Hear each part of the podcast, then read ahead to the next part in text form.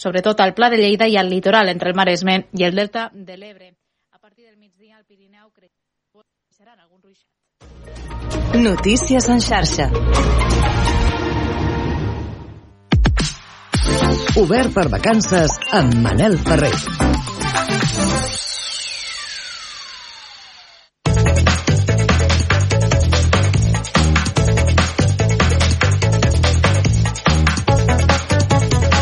10 i 4, què tal? Bon dia. Si ens escoltes des de Ràdio Trem, la veu de Sant Joan, Ràdio Salrà o Ràdio L'Escala o per qualsevol de les 61 emissores que aquest estiu estan sent còmplices d'aquest obert per vacances. Anem ensat a la nostra segona hora. Dimecres passat recordareu que vam parlar molt de manga i, de fet, l'Àlex Riba ens va avançar a l'agenda cultural que Tarragona acolliria durant el cap de setmana una superfira de manga i anime coneguda com a Expotaco. Precisament, nosaltres no ens volíem perdre aquesta cita i per tant ens traslladem a Tarraco Arena Plaza perquè l'Àlex és una mica friki i porta fent cua tot el matí per entrar-hi dels primers. Àlex, fa calor o què? Bon dia. Sí, sí, fa una mica de xafogó, eh? Ha baixat una miqueta la temperatura, sembla que aquesta onada de calor ja, ja s'està anant, però tot i així, bueno, fa bastanta calor. I sí, sí, tot i que no arribo a Otaku, Manel, eh, sóc força fan del manga i de l'anime, i per mm -hmm. tant avui havíem de ser aquí sí o sí. Estàs allà, ja, amb la, amb la Mercè Mainé, eh? Esteu allà fent tàndem. Estem passant-ho passant, malament amb sí, la calor, sí. però sí, sí. Qui t'acompanya? Doncs doncs mira, estic amb Valentín Rivas, eh, director de l'Expotaku. Valentín, està tot preparat ja, ¿eh? eh sí, sí, sí, tenemos todo, todo listo, la gente queriendo entrar. Eh, la verdad es que todo aquel que no haya venido ya está tardando. Uh -huh. Tinc entès que us agrada venir a Tarragona. ¿Cuántas edicions porteu venint aquí? Eh, bueno, esta sería la número 12. Tenemos que saltarnos la de 2020 porque no se pudo hacer, pero incluso en 2021, cuando las medidas estaban duras, eh, Tarragona no se resistió a hacer un, una, una edición mini, eh, que la verdad fue, fue un, todo un éxito. Uh -huh.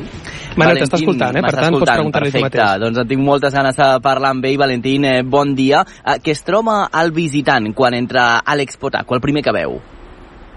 Bueno, lo primero que, que, vas a encontrarte es que hemos cambiado de recinto. Hemos pasado del Palau al Tarraco Arena, en donde tenemos pues más espacio, más capacidad para atender al público y por supuesto más capacidad para tener otra, más actividades, consolas, eh, en fin, un sinfín de, de mm, eh, actividades que van a encontrarse eh, en un formato diferente, bueno, en formato redondo. Uh -huh. Abans, eh, Valentín, em comentaves que porteu 13 edicions aquí a, a Tarragona. Quina és la clau de l'èxit?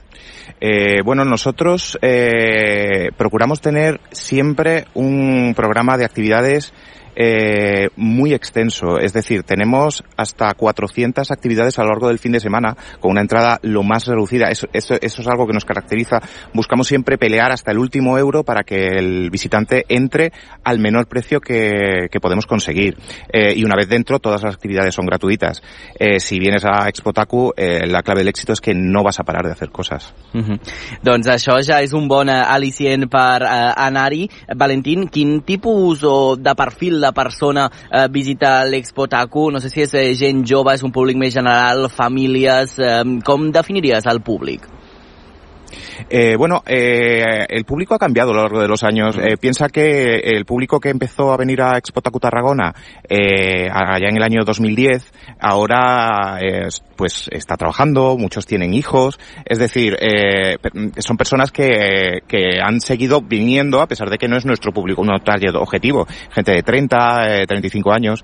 Nosotros nos orientamos en un público entre los 13 y los 25, 26 años, pero el público histórico de Expotaku sigue viniendo, así que pues hemos ampliado el rango de actividades para todas la, las edades. Eh, en general somos un evento multidisciplinar, así que eh, sí hay, sí es cierto que, hay, que nos centramos en el público joven, pero hay actividades para todas las edades. Que bé. M'han xivat, Valentín, que aquest cap de setmana també passaran alguns influencers per al recinte. Ens pots dir algun nom d'algú que podrem veure, ens podem creuar? Sí, sí, sí, claro, yo te puedo chivar algo. Venga. Eh, mira, eh, por ejemplo, viene Jack Wise, eh, viene Shenron y Saenza, que son los principales, hoy en día, los principales eh, influencers, eh, creadores de contenido, como les gustan llamarse ahora, eh, referente a Dragon Ball.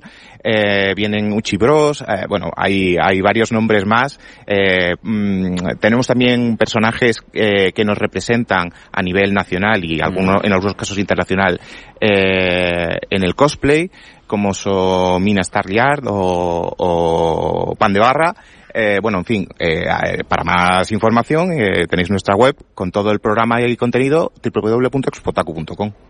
A més, Valentina, es fan eh, moltes activitats, no? des de tallers, concursos, no sé si ens podries comentar una miqueta també aquest vessant de, de l'Expotaku. Eh, bueno, eh, los talleres ha sido una cosa que ha sufrido un, un boom eh, respecto a otras ediciones. Eh, llevamos mucho tiempo con una, una, una zona de talleres eh, para entre 12 y 15 plazas. Nosotros abríamos 10, pero claro, cuando vienen 4 o 5 madres más, que pues al final em- este año hemos doblado el número de plazas. Eh, nuestra, eh, nuestros talleres son hasta 30 personas y, mm, y hemos aumentado el número de talleres. Hay un taller por hora, es decir, no van a parar de, de poder hacer múltiples actividades. ¿Y, cuánto, ¿Y cuántos expositores hay? Pues mira, entre expositores, eh, tiendas comerciales y artesanos e ilustradores, eh, podemos tener más de 80 expositores en, en el, el recinto. Déu-n'hi-do, Déu-n'hi-do. Oh, i, a- sí, sí, sí. Valentina, I aquesta xifra... en- Digues, digues, Àlex.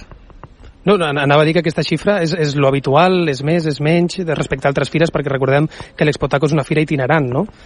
Eh, sí, bueno, eh, más que una, una feria itinerante, eh, nosotros nos gusta decir que abrimos plazas en cada una de las ciudades que en las que somos bienvenidos. Eh, cuando vamos a una ciudad nos gusta quedarnos, eh, pero cada, cada feria tiene unas peculiaridades. Eh, la de Tarragona tiene unas, la de- abrimos plaza, por ejemplo, el, el año pasado en Granada y fuimos también magníficamente acogidos, pero claro, cada público pues tiene unas peticiones. Por ejemplo, en Tarragona, el, el expositor ilustrador y artesano, pues es, apoya mucho la feria. Uh -huh. Home, l'experiència també suposo que us serveix, eh, Valentín, doncs, per veure què és el que ha funcionat millor, el que ha funcionat pitjor, el que es podria eh, millorar. Quines són les activitats més demandades i que més us demana el vostre públic? Pues mira, te voy a, te voy a, te voy a responder de esta manera. Eh, nuestro escenario tiene una capacidad de absorber pues, una cantidad de público, ¿no? Tenemos unas 500 plazas. Eh, hay tres actividades principales que abarrota el escenario. Eh, son la, el concurso de cosplay, la pasarela cosplay y el Asian Dance. Un, eh, los dos primeros son históricos ya en Tarragona, el, el Asian Dance lleva menos ediciones, pero básicamente es donde grupos de baile, eh, mediante música generalmente asiática, coreana y tal, eh, hacen covers de baile. Y la verdad es que el público eh, le encanta, le encanta. Que guai. I quin paper juguen també els, els videojocs? Perquè és curiós que aquí a l'Expotaku es combina el manga, l'anime, però també els videojocs, no? Hi ha una zona que està destinada a això. Eh, sí, bueno, eh, este año tenemos más de 60 puestos de, mm, de consolas. Hemos incluido también una zona de RV porque está, está en boga. Y eh, básicamente nosotros lo que hacemos al final de cada edición es hacer unas encuestas a nuestro público de cuáles son, cuáles son las cosas que vosotros más queréis ver. Eh, le traemos lo que el público pide al fin y al cabo. Entonces hemos aumentado la zona de videoconsolas y, eh, y ahora mismo pues puedes probar los últimos juegos eh, totalmente gratuito una vez que entras en, en Expotaku. A, a, al público de manga y anime, por supuesto, le encantan los videojuegos. Uh -huh. Home, doncs això és eh, boníssim també eh, que puguin recollir també aquestes eh, sol·licituds doncs, per les següents edicions, doncs afinar encara molt més amb el que demanda el eh, públic. Et volíem també preguntar, Valentín, suposo que aquests dies eh, et mous moltíssim per tots aquests estants i per tots aquests, eh, vaja, aquests espais de l'Expo Taku. No sé si hi ha eh, personatges eh, que es repeteixen i que triomfen per sobre de la resta. Has- eh, está preguntando eh, si hay personajes que, que sobresalen eh, por encima del resto. Personajes más famosos, por decirlo así, que triunfan más. Ajá, sí, bueno, todo esto depende mu- muy mucho de cómo vayan lo- las temporadas de Mm. anime y manga Claro. actuales. Ahora mismo lo que está en boca de todos es el, el, el- el superestreno de la serie de One Piece en Netflix Claro. de imagen real. Entonces, eh, los cosplays y, la, y los personajes de One Piece ahora mismo eh, eh, no hay color, o sea, no hay parangón. Eh, de cada 10 disfraces, 8 son de One Piece. Eh, si sumamos eso, el, el estreno del capítulo eh, de la marcha quinta de la Year 5 de, de Luffy, es que ahora mismo no hay, no, hay, no hay no hay ningún tipo de comparación, no hay color. One Piece, sin duda. One Piece eh, ho arrasa tot. Per cert, Àlex, tu que estàs eh, allà, eh, no sé si tu també ets de fer cosplay, de caracteritzar-te amb algun d'aquests personatges. Doncs pues mira, t'he de ser sincer, sí. Sí? Sí, he fet alguna vegada cosplay i de fet va ser de, de Kakashi, però a més era, Kakashi és eh, l'entrenador de Naruto, perquè doncs eh, ens entenguin des de, des de casa, i a més va ser un cosplay diferent, perquè no era l'uniforme típic de Ah. ninja, de Kakashi, sinó que era un ninja amb, tra amb tratge, és a dir, diferent i, i, i Jo- força... Sí, a més em demanaven fotos pel carrer i tot. No, no, això o és sigui que ho t'anava a dir, si, si ens podies fer arribar alguna foto a nosaltres, perquè això ho hem de, ho hem de veure, no ens ho podem perdre a nosaltres. Doncs mira, la farem arribar, la Va, farem vinga, arribar. Cada dia perfecte. coneixeu alguna cosa diferent de mi, eh? Exacte, sí, sí, anem coneixent coses. Valentín, no sé si tu vas a treballar, tens un paper molt institucional, però no sé si també et deixes portar i alguna vegada eh, has eh, fet servir el, el, cos, el cosplay. Eh, bueno, te cuento. Eh, mi mujer sí, Sí. que se ha hecho muchos cosplay y hubo una vez en las que, como todo buen marido, pues tiene que acompañar. y sí que es cierto que hay por ahí unas fotos, no se pueden ver, eh, de, de una, un grupal que hicimos y me tocó hacer de Dante de Devil May Cry, que, ya que eh, tanto mi mujer como mi suegra me hicieron el cosplay completo y dije, bueno, escúchame, eh, yo soy una persona que en mi época de, de, mm, de ocio, se- los eventos en aquella época eran más tendiendo al rol, Mm. entonces yo he jugado muchísimo rol en vivo, no me, no me importa meterme en cualquier papel, en cualquier fregado, teatro Sí. en vivo, a mí me da igual. Eh, eh, pero ese, ese ha sido mi acercamiento al cosplay, un, un- un cosplay que me hicieron de, de Dante de, de Bill McCray. Doncs mira, una, una molt bona estrena. Uh, Valentín, muchísimas gracias por haber pasado por el Uber per vacances y también pues por contarnos eh, todos los detalles de, de tot el que trobarem aquests dies a l'Expo Taco. Gracias a vosotros por venir y aquí tenéis vuestra casa. Gràcies, eh, Àlex. Espero que ja tinguis també les teves entrades eh, per anar-hi aquest cap de setmana. Doncs sí, amb l'acreditació em sembla que ja puc entrar tot el cap de setmana, o sigui que ja estic content. Espereu que sí, espereu que sí. Gràcies, Àlex, i fins aquí una estoneta, que ens tornem a escoltar l'agenda. Fins després, Manel.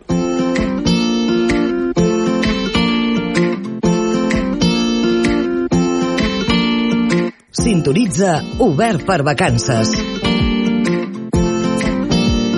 I és cert que ara fa molta calor en aquests moments, eh, fa caloreta, es nota el calor, però potser després, quan baixi una mica la temperatura o a primera hora del matí, doncs serà un bon moment per fer un viatget, per fer una bona caminada. Avui, per exemple, en el nostre podcast, El Viatget, us convidarem a caminar per Agramunt i descobrir la seva vessant més contemporània i fresca, més enllà dels tòpics que tots coneixem. És una passejada amb els companys de Ràdio Sió.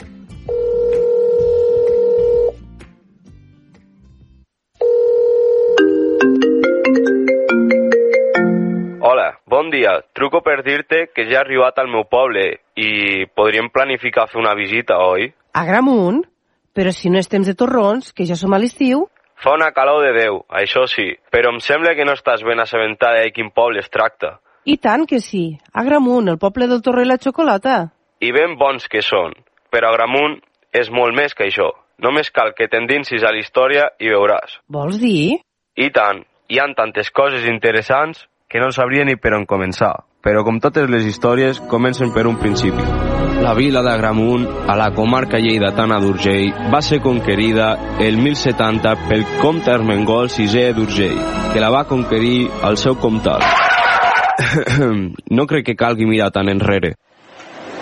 Actualment, Agramunt és una vila plena d'art i és una de les poques amb dos museus d'art contemporani.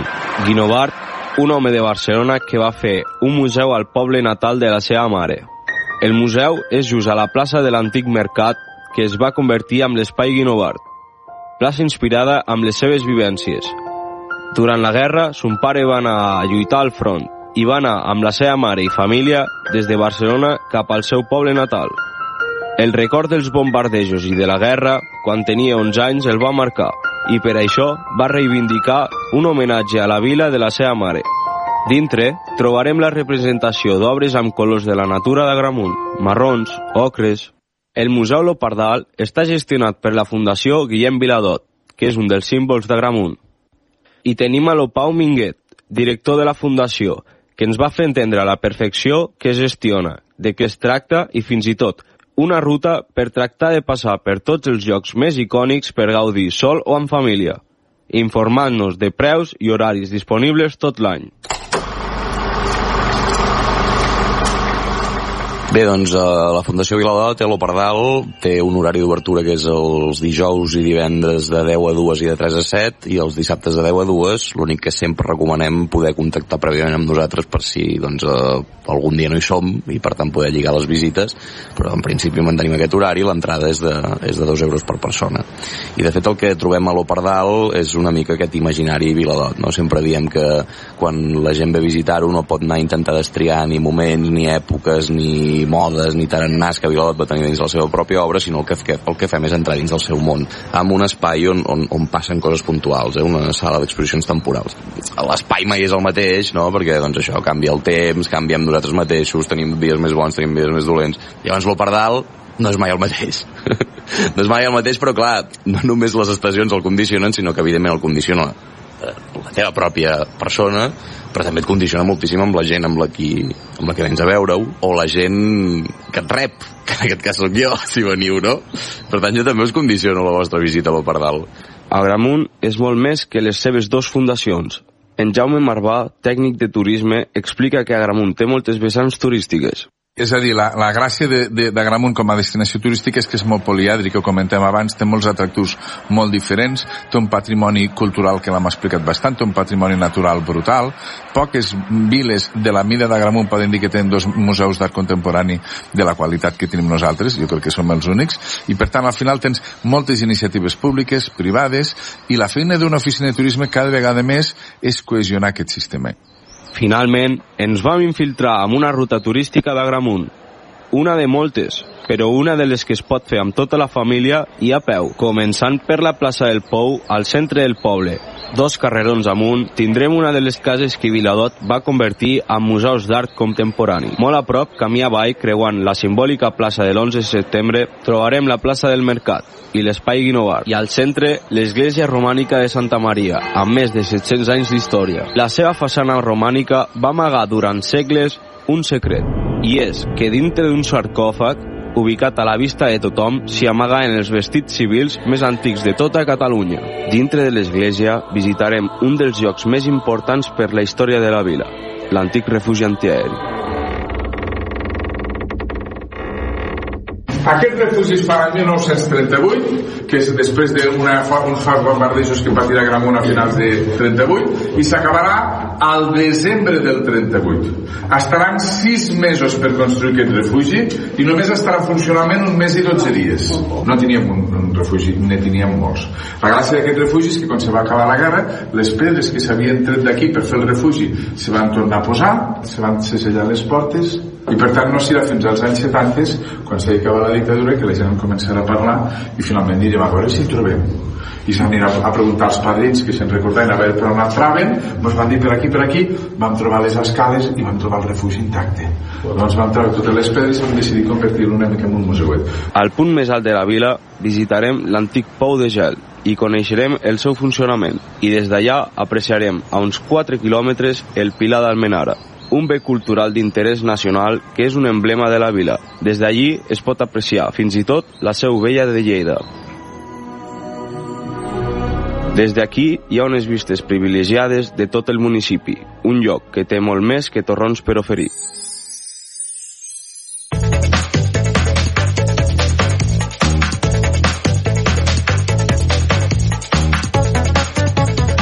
Bravo, bravo, aquest viatget que ens han portat els companys de Ràdio Sió. Realment eh, era com que estàvem allà, era aquesta ràdio immersiva doncs, que també ens agrada fer a l'obert per vacances. I arribat a aquest punt és el moment també d'anar fins a la Catalunya Central, a Vic, on tenim el nostre company, el nostre corresponsal de l'estiu, Miquel Giol. Com estàs?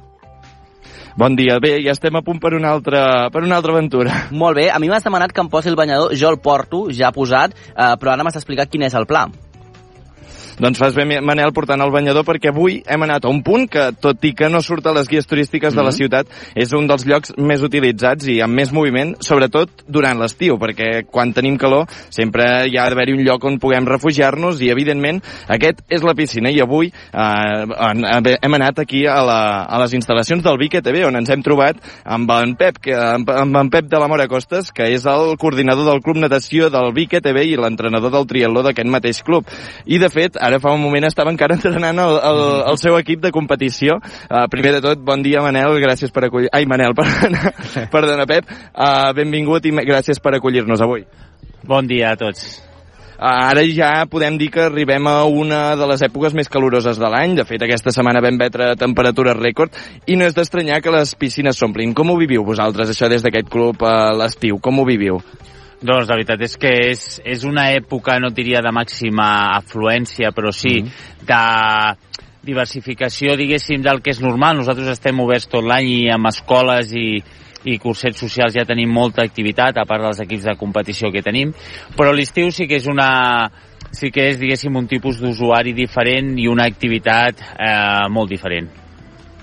Doncs escolta'm, una activitat molt diferent i també entenc que molt eh, sol·licitada perquè segons eh, tinc entès és la única piscina pública que ara mateix està oberta a Vic. Eh, no sé, Pep, què suposa això també per eh, el que fa afluència i volum de, de públic? Doncs, com tu bé dius, doncs és l'única piscina pública de Vic. És una piscina relativament petita perquè pensa que la piscina gran és de, amb mides de competició i fa 25 metres per 10 d'ample, més una piscina petita que ara amb en Marc l'estem veient des de- des d'aquí.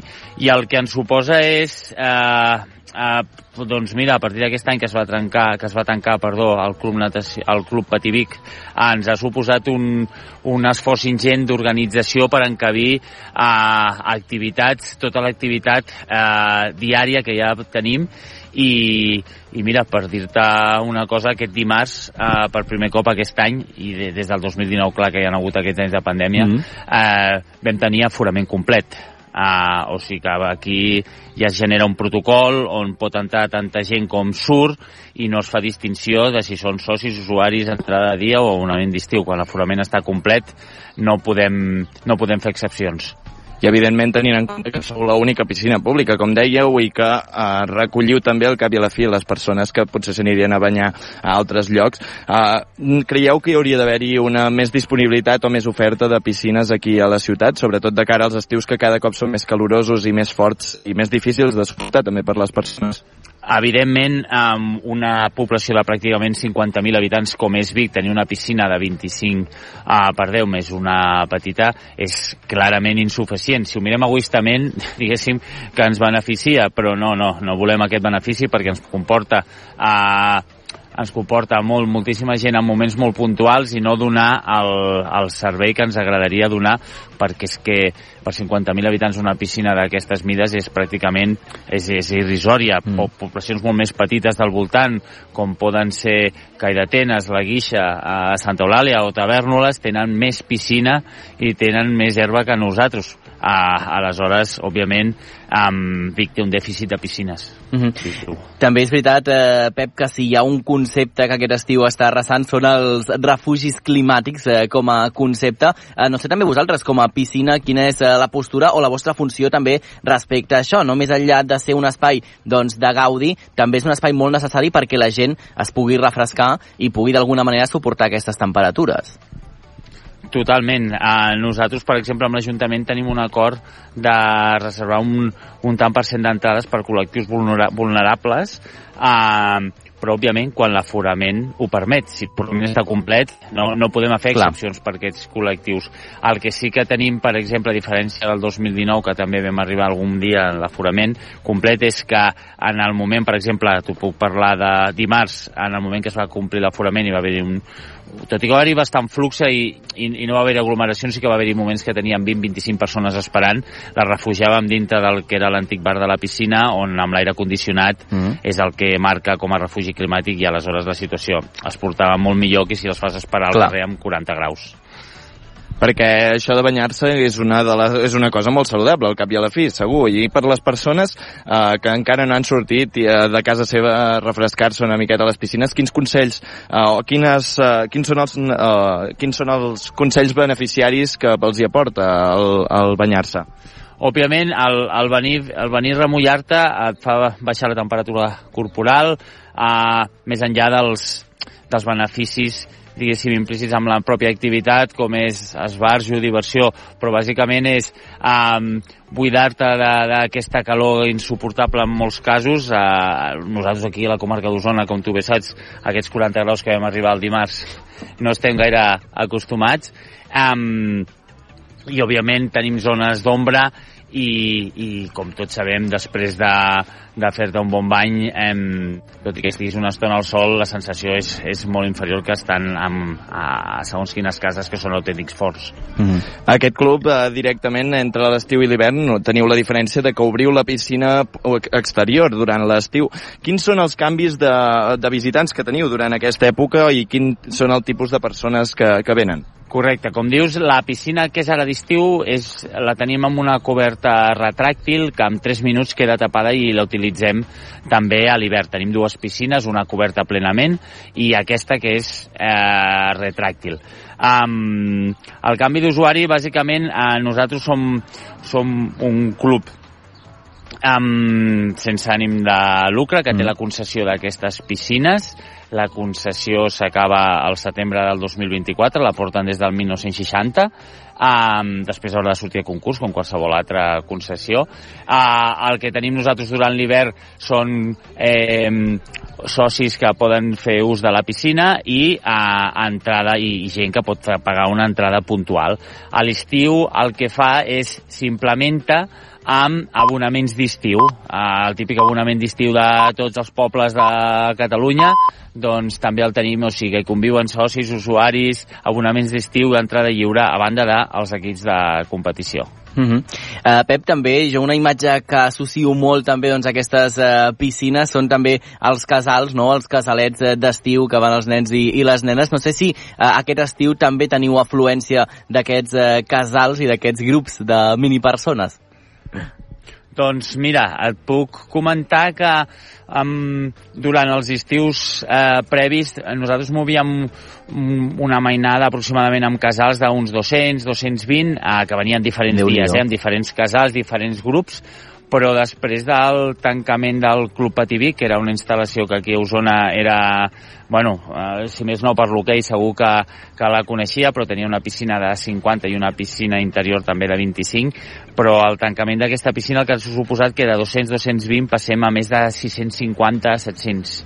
Uh, llavors aquest increment, com t'he dit abans, el que suposa és, és fer un tetris, diguéssim, a nivell organitzatiu, molta feina des de fa uh, molts mesos per intentar encabir i, i que, i que tothom tingui un, un mínim servei. Vull dir, aquí al final no és més que un exercici una mica Clar. de tots d'empatia, de saber de conèixer la situació i que, òbviament, com abans, eh, no podria ser, perquè tenim eh, molta més gent amb, el, amb la mateixa piscina. Uh -huh. Home, amb totes aquestes xifres que ara ens eh, comentaves, eh, per exemple, si jo ara volgués venir a la piscina, com s'ha de fer? No sé si també eh, doncs, eh, per les calors que hi ha i per l'afluència de públic que hi ha, no sé si s'ha de reservar a hora, pots anar directament a la piscina. Quin és el vostre funcionament per poder accedir al recinte? Doncs, doncs no, tu pots venir, pots venir en qualsevol moment, mm. uh, pots comprar una entrada, pots comprar un abonament d'estiu, uh, si vens del Maresme, com és el teu cas, sí. uh, suposo que el que el que et convencerà més és una entrada de dia, però també tens packs de 5 entrades. Vull dir que hi ha una diversitat de, de servei amb aquest aspecte, en quant a temporalitat, molt, molt gran. I precisament parlàvem de que sou un club, llavors això suposa alguna limitació per les persones que no formen part d'aquest club a l'hora de venir a aquesta piscina? No, perquè l'acord que tenim amb l'acord que tenim amb, amb l'Ajuntament és que actuem com a piscina pública. Després, aleshores, aquest tipus d'entrades i aquests packs de 5 entrades o 10 o 20 eh, s'ofereixen tot l'any.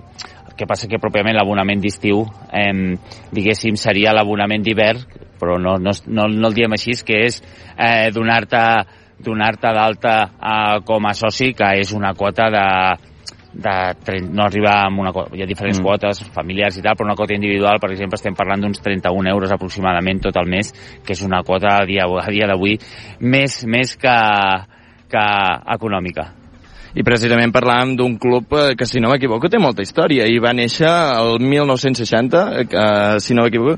Llavors, eh, com evoluciona com per arribar en aquest punt en el que teniu aquestes dues piscines i teniu tanta afluència de gent i sou un dels clubs més reconeguts d'aquí la ciutat? Doncs, doncs home, són molts anys. Aquí es va començar, es va començar amb un globus perquè no hi havia piscina d'hivern, amb un globus dels que supos, ja que eren pocs però que tots coneixem, Um, aquí a la comarca, per exemple, en queda una a les Masies de Voltregà. Uh, I es va evolucionant, es va evolucionant, ja cada cop hi ha més demanda, aquí, hi ha un, aquí sí que hi ha un punt d'inflexió que és um, cap a l'any 96 amb, amb la Junta de presidida pel senyor Antoni Escarravill, on veuen que la demanda és, després d'anys de demanar subvencions a Generalitat, Diputació per fer una piscina coberta, um, veuen que no arriba i eh, aquesta junta que estava formada, la junta d'aquest club, eh, de moment només pot estar formada per pares i mares de nedadors. Eh, es lien la manta al cap, eh, ells estaven al gremi de construcció, hi havia arquitectes, aparelladors, i, i fan un... La veritat és que una aventura, diguéssim, eh, demanen un crèdit i amb una amb una instal·lació que estava molt per sota en quant a econòmic a, a la subvenció que es donava en aquell moment, doncs tiren endavant una piscina coberta, amb la qual aquí um, es passa de pràcticament 280 socis en pocs anys a més de 1.800. Carai, home, un gruix prou important eh, de, de socis. Eh, també, Pep, entenc que aquests socis són importantíssims també doncs, per al múscul no? de, de l'entitat perquè segueixi funcionant, més enllà de la logística que vosaltres professionalment doncs, pugueu afegir, però també és importantíssim doncs, també la implicació de, de les persones. Sens dubte, és a dir, nosaltres podem tenir equips de competició que ens estimem molt, les diferents seccions, des de ciclisme, natació, triatló, aigües obertes o grup de córrer, eh, però el principal, el motor d'aquest club són les persones que, que venen, socis i usuaris, i nosaltres eh, com a entitat sense ànim de lucre el que veiem és perquè eh, econòmicament funcionem per poder donar el millor servei tant a socis usuaris com a les seccions, a aquests socis i usuaris com els que venen un dia, el que, el que la nostra prioritat és que es trobin el més a gust possible perquè el sistema pugui continuar durant molts anys. Clar que sí. De fet, eh, parlàvem de la piscina i també dels esports aquàtics. Eh, quines activitats eh, podem trobar també a la vostra piscina?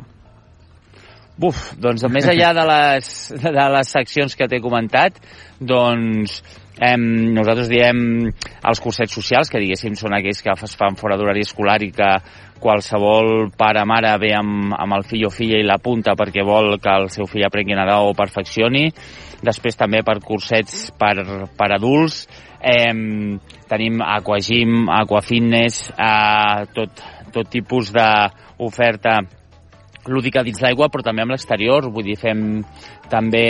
Um, nosaltres també estem en un entorn, amb el que coneixem, en un entorn a Vic, però, diguéssim, una mica amb, amb les afores amb, amb el qual tenim a dos minuts ja tenim camins i el que fem és que passejades amb, amb gent gran eh, vull dir que tenim una oferta outdoor també força important amb la qual no només ens centrem en, tot i que és el nostre la nostra raó de ser, la banda aquàtica, però sí que, sí que l'outdoor des de la pandèmia cada cop l'estem treballant més. Uh -huh. I referent a aquestes activitats que comentàvem, quines són les que, uh, són les que tenen més participació, les que la gent s'hi apunta més i, i hi ha més moviment?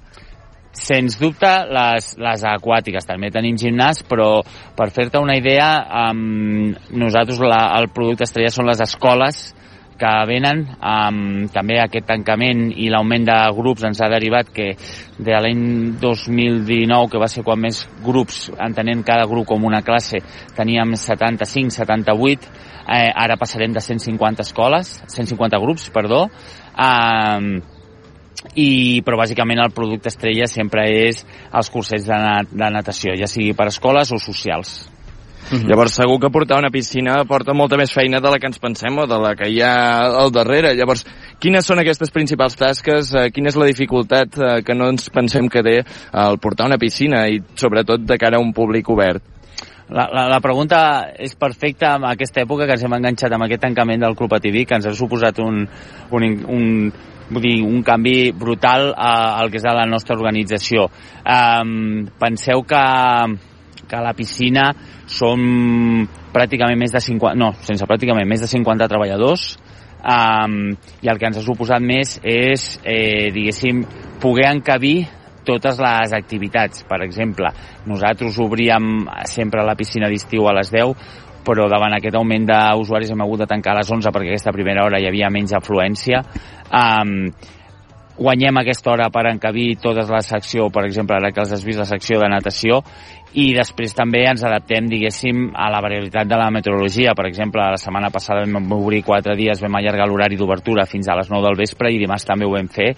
Doncs per això que ens demanava Manel de, de donar aquest suport, diguéssim, com a refugi climàtic i, i amb temperatures de 40 graus doncs, doncs s'agraïa d'allargar una horeta l'obertura de la piscina. Uh -huh. uh, Pep, et volia també preguntar, al principi de setmana parlàvem també amb un socorrista a l'obert per vacances. Uh, no sé si d'alguna manera també, uh, lògicament doncs és un lloc de gaudi, però no sé si la gent també té consciència doncs això, de que al final també uh, aquests banys s'han de fer amb seguretat, prudència, no sé si uh, la població ho posem complicat al, al servei de, de salvament dels socorristes.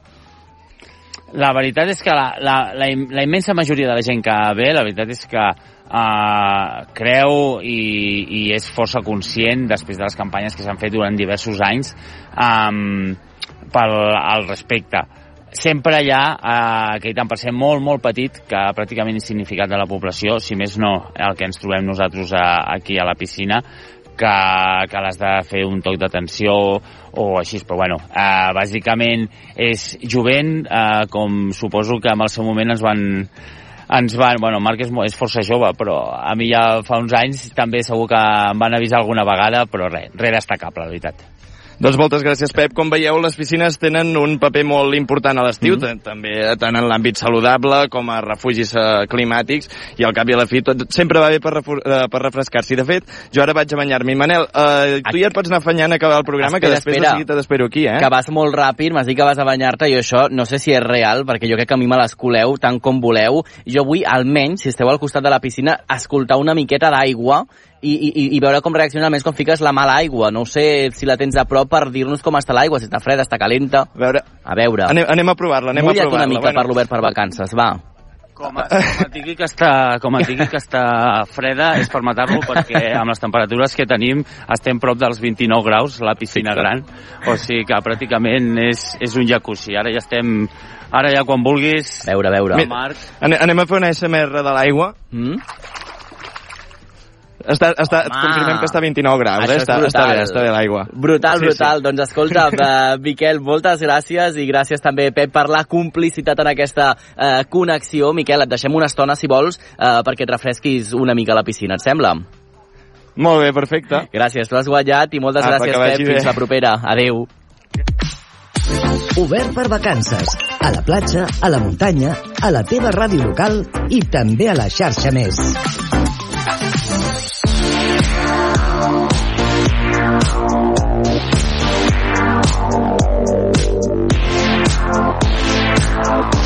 I ens apropem a quarts d'onze del matí. Quina enveja la piscina i quina enveja al Miquel Giol. Me n'anava ara mateix, però no passa res, perquè jo estic entretingudíssim també a l'Obert per vacances. Anem a parlar de música. Avui anem de nou fins a Vic per escoltar el Ferran Urriols, que presenta nou treball, Plata.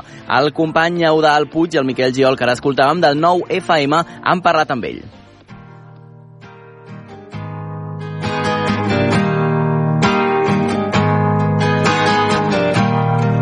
Sap si se'l vol endur, qui sap si se'l vol endur, l'aigua fosca que li roda dalt del pi. La música té molts estils, molts artistes i moltes formacions musicals. Després de deixar enrere un projecte, el grup Nyandú, guanyadors del Sona Nou el 2011, avui parlem amb Ferran Urriols. Aquest mateix any, 2023, ens ha presentat Plata, un àlbum amb 12 cançons, entre les quals podem trobar Soc, Dolça Nena, o la que estem escoltant de fons, El Llamp. d'un prat daurat per sobre i per sota Tal com comentàvem, Ferran, ja havies format part del grup Nyandú, però fa un temps vas decidir separar-te'n i començar la teva carrera musical de forma individual. En quin moment decideixes que vols començar a ser un cantautor? Um, a veure, és una decisió que ja no sé si estava presa, però sí que rondava per allà des de fa molts, molts anys. Tenia cançons a casa i no veia que encaixessin en lloc més que amb mi tot sol. També tenia les ganes de fer-me un disc, d'assumir tot el que, tots els processos que hi ha en un disc en solitari, però diríem, sí, la decisió estava presa de fa molts anys, però va ser més una qüestió de moment, i això va ser quan amb Nyandú vam, vam fer aquesta aturada, llavors vaig tenir el temps suficient per mi per, per anar gravant aquest disc. Podríem dir que has passat d'extrem a extrem, de formar part d'un grup a ser un cantautor. Quines són les principals diferències que veus entre aquestes dues maneres de fer? Um, aviam, el fet de fer-t'ho tot sol, uh, tots els dubtes que puguin sortir a l'hora de composar, per exemple, de, de, de plantejar una cançó, te'ls menges sol, i això és, és agradable quan tens la idea molt clara, i tens molt clar com vols que, que sigui la cançó. La diferència principal és, és, i tal com he plantejat aquest projecte, és el fet d'haver-ho assumit jo sol tot, des de tocar, composar, fins a, fins a bueno, això, gravar. Comentaves que has presentat Plata, aquest uh, disc que té 12 cançons. Quant temps passa des de que es comença a gestar aquest disc fins que dius uh, que tens la, la peça final? Jo diria que va ser el 2015, que vaig fer la primera cançó, que és la de Deixeu-me fer la meva. Vaig escoltar alguns discos que em van, van com encendre la metxa, i vaig pensar, has de fer això. I llavors en aquell moment, i estem parlant de fa 8 anys, vaig gravar-me cosetes, així, bueno, diríem com, no secretament, però bueno, sense compartir, i allà es van anar creant aquesta, aquestes ganes, no? Amb l'aturada de Nyandú va ser el moment de dir, ara gravaràs. Llavors va coincidir que tenia baixa de paternitat i vaig aprofitar moltes estones que estava a casa amb, per, bueno, per aprofitar l'estudi que m'havia muntat allà quan el nen dormia, la mama estava tranquil·la i estava en un moment allò que permetia doncs, bueno, dedicar-nos una mica de temps a nosaltres, vaig anar gravant i això va ser um, entre el novembre del 2021 fins al febrer del 22. Puto sol llampant, amo de tot, el senyor de la felicitat. Oh, ens han enredat,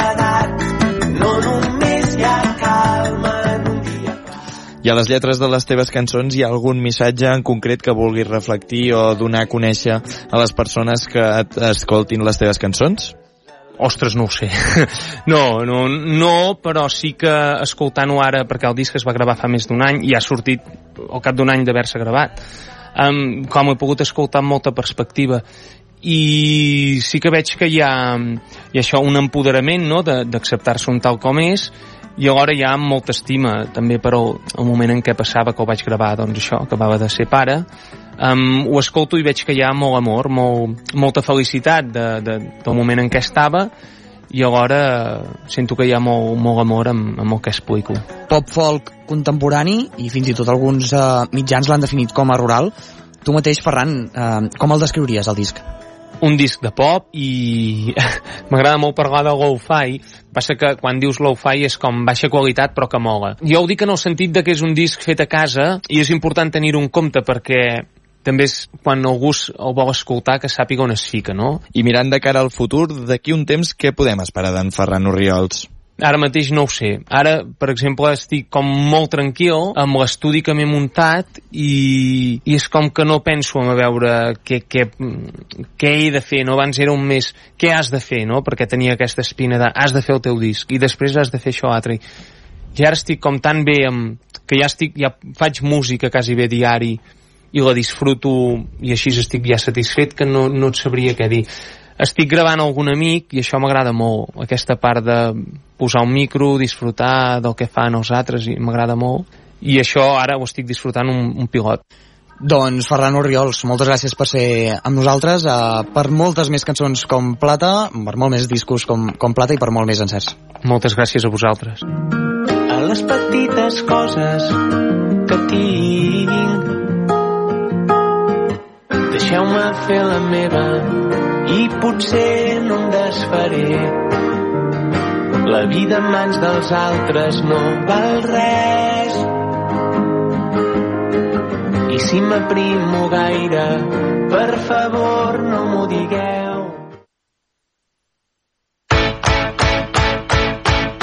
Obert per vacances. Cada matí, de 9 a 11, a la teva ràdio local.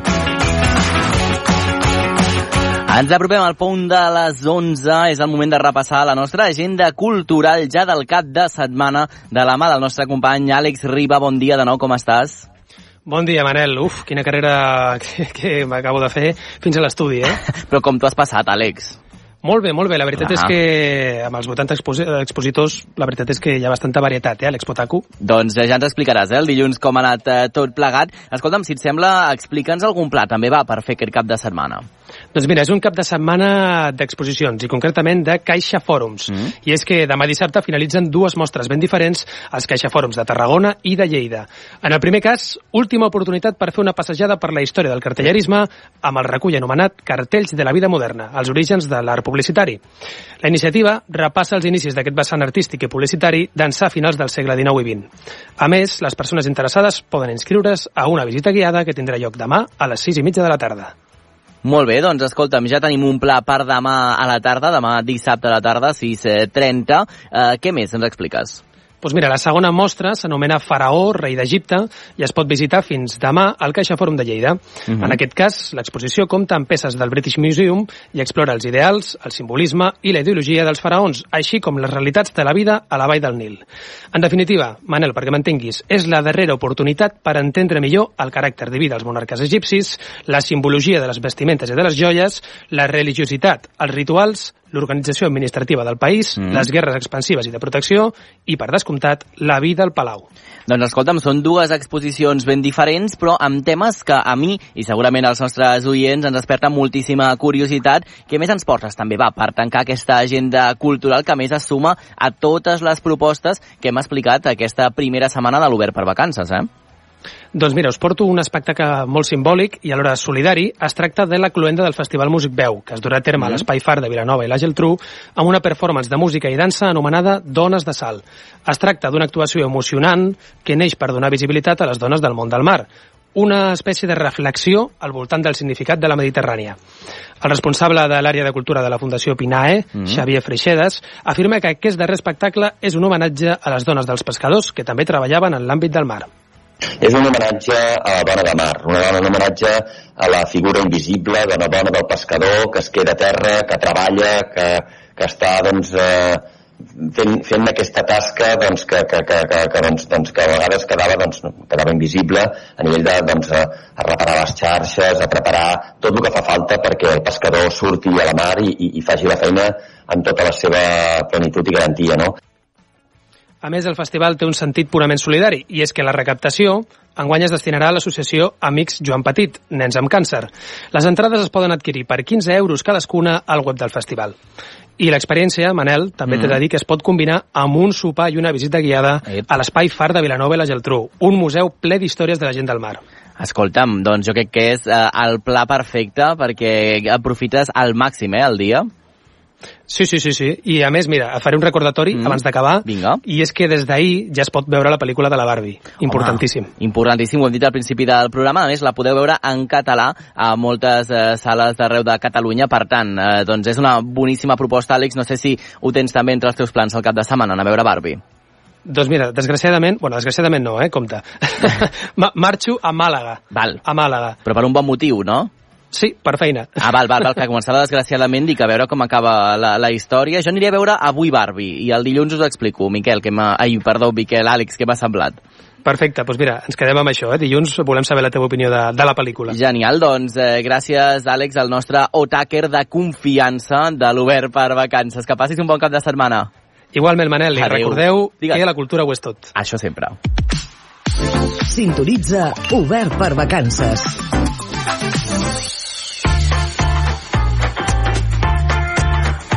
8 minuts per arribar al punt de les 11. Nosaltres hem resolt, estem eufòrics perquè hem resolt el nostre primer concurs de l'estiu de la cançó de l'estiu. Anna, Anna, com estàs? Així estem, eufòrica també. Ah, per favor, és que m'ha fet una il·lusió. Regalar premis, jo que si pogués, seria la meva feina habitual. Regalar coses.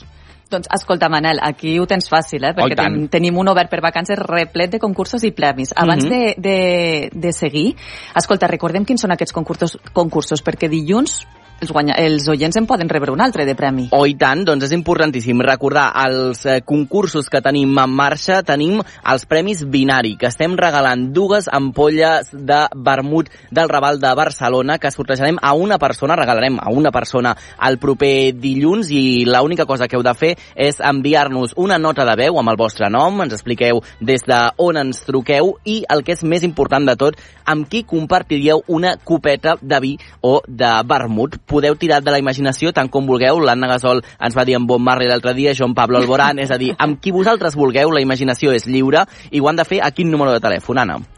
Al 628 841 055. Molt que bé. És eh, el mateix on l'Aaron ens ha enviat una nota de veu i que de manera tan fàcil i senzilla ja té 60 euros per gastar, ha dit ell, amb una barbacoa, eh, amb els Mhm. seus amics i família. Exacte, i l'altre concurs que tindrem per la propera setmana, per al dimecres, és també el que va inclòs dins de l'Espai Z, on regalarem una entrada doble per anar al Saló del Manga el divendres 8 de desembre. En aquest cas heu d'entrar a la xarxa més, escollir el vostre personatge preferit de la primera temporada de l'Espai Z, ens envieu una nota de veu i també entrareu en aquest concurs. Dit això, Anna, jo crec que estan explicadíssims els concursos. El següent és el de dilluns, eh, on regalarem doncs, el vermut, per tant, podeu participar ja per al dilluns doncs, entrar dins d'aquesta gran quiniela. Doncs ara us deixo amb uns àudios perquè veieu el Vinga. fàcil que és enviar aquestes propostes. Ah, bon dia, em dic Maricín, soc del Canà, del Montsià, vale? i la meva cançó de l'estiu és una cançó que es diu Som com som, és d'un grup local que es diu Sucre, és un grup que està compost per gent de les cases del Canà i del Canà, són dos nois, i bueno, m'agrada molt aquesta cançó perquè resulta ser que explica molt bé com és l'estiu a les Terres de l'Ebre i les tradicions que tenim a les, als pobles de les cases i del Canà durant tot l'any. Gràcies, bon dia. Bon dia, eh, amics de, de l'Obert per Vacances, eh? Soc el senyor Ramon. Home, feu els matins ben, ben agradables, eh? Bueno, escolta, jo vull participar en això del concurs de la cançó de l'estiu, eh? I jo trio la cançó aquesta que sona molt ara a la ràdio, eh? El Figol Flowers, eh? No, no sé, Fla Flowers, no sé com es diu, eh? D'aquest que es menja una síndria, eh? Aquesta cançó sona molt, eh? Amb aquest accent en barceloní. Bueno, au, que guanyo, que guanyo, ja m'ho direu, eh? Vinga, un saludo. Ah, Ramon, espera, que guanyo, que guanyo. Ramon? Ha, ha d'anar al concurs també i a veure si l'acaba guanyant. Clar, això és una altra cosa ja, Anna. Pas a pas, sí. Pas a toca pas, lo que pas toca, pas. la suerte no s'equivoca. Molt bona aquesta, Anna. Doncs em quedo amb això. Escolta'm, no sé si ens queda un minutet de, de programa. Sé que tenim Mhm. un missatge que m'has de donar. Si vols, ho guardem per al dilluns. Si vols, jo el tenia reservat pel dilluns perquè ens doni temps d'escoltar aquesta cançó I que ens proposaven. I Perfecte. tant, però si, si no et pots aguantar, No, no, no, poso, no, no, eh? no, no, ens el guardem per dilluns i així eh, ja tenim una excusa perquè el dilluns a les 9 estiguin de nou els nostres oients esperant-nos, et sembla? I tant, aviam que s'ho doncs passaran bé. va, amb quina marxarem? Amb quina cançó marxarem avui?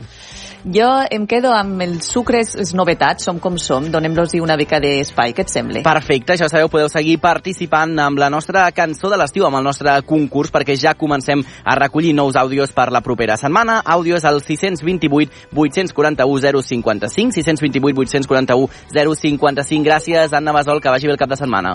Igualment. I gràcies a vosaltres. Ens tornem a escoltar el dilluns quan passin 4 minuts de les 9 del matí, aquí, a l'Obert per Vacances, a la vostra ràdio local. Bon cap de setmana. Adeu.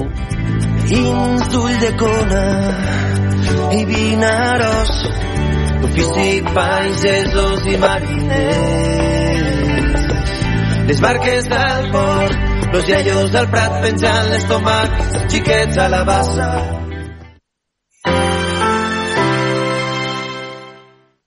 La xarxa de comunicació local. El 22 de juliol, l'OBC presenta Prisoner of the State, del Premi Pulitzer David Lang al Festival Grec. Una poderosa relectura de l'òpera Fidelio de Beethoven, que comptarà amb les veus masculines del cor jove de l'Orfeó Català i del cor de cambra del Palau de la Música. Entrades a auditori.cat. Continguts en xarxa.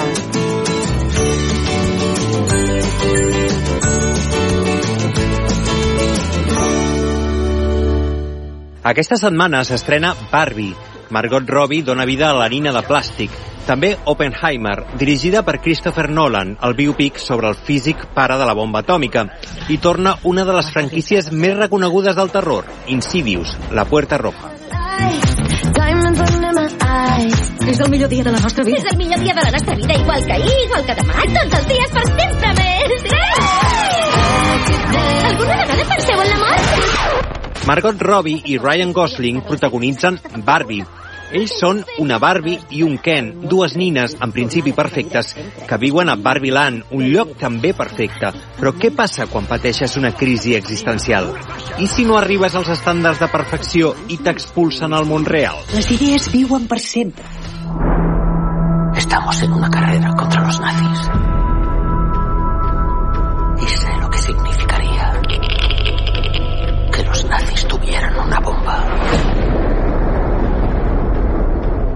Oppenheimer ens apropa la vida del físic que molts consideren pare de la bomba atòmica. Sota la direcció de Christopher Nolan, el film és un thriller que gira sobre una paradoxa, el dilema d'un home enigmàtic que haurà d'arriscar-se a destruir el món per salvar-lo. Lo vais a hacer, ¿verdad? Me dijiste que cuando tenía 10 años estuve en coma, pero ni siquiera recuerdo estar enfermo. Listos para olvidar.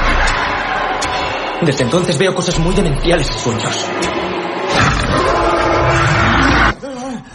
A Insidious, la Puerta Roja, han passat 10 anys des que la família Lambert va haver de lluitar contra els dimonis que intentaven posseir-los. En Josh i el seu fill Dalton, ja un universitari, es veuran obligats a endinsar-se en les profunditats del més enllà. Pel camí es trobaran amb el passat fosc de la família i amb innombrables terrors espantosos que s'amaguen darrere de la porta vermella.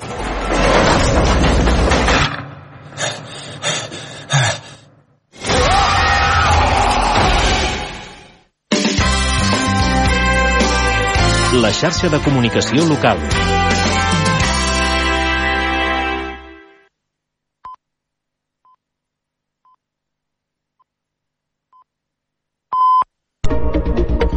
Notícies en xarxa.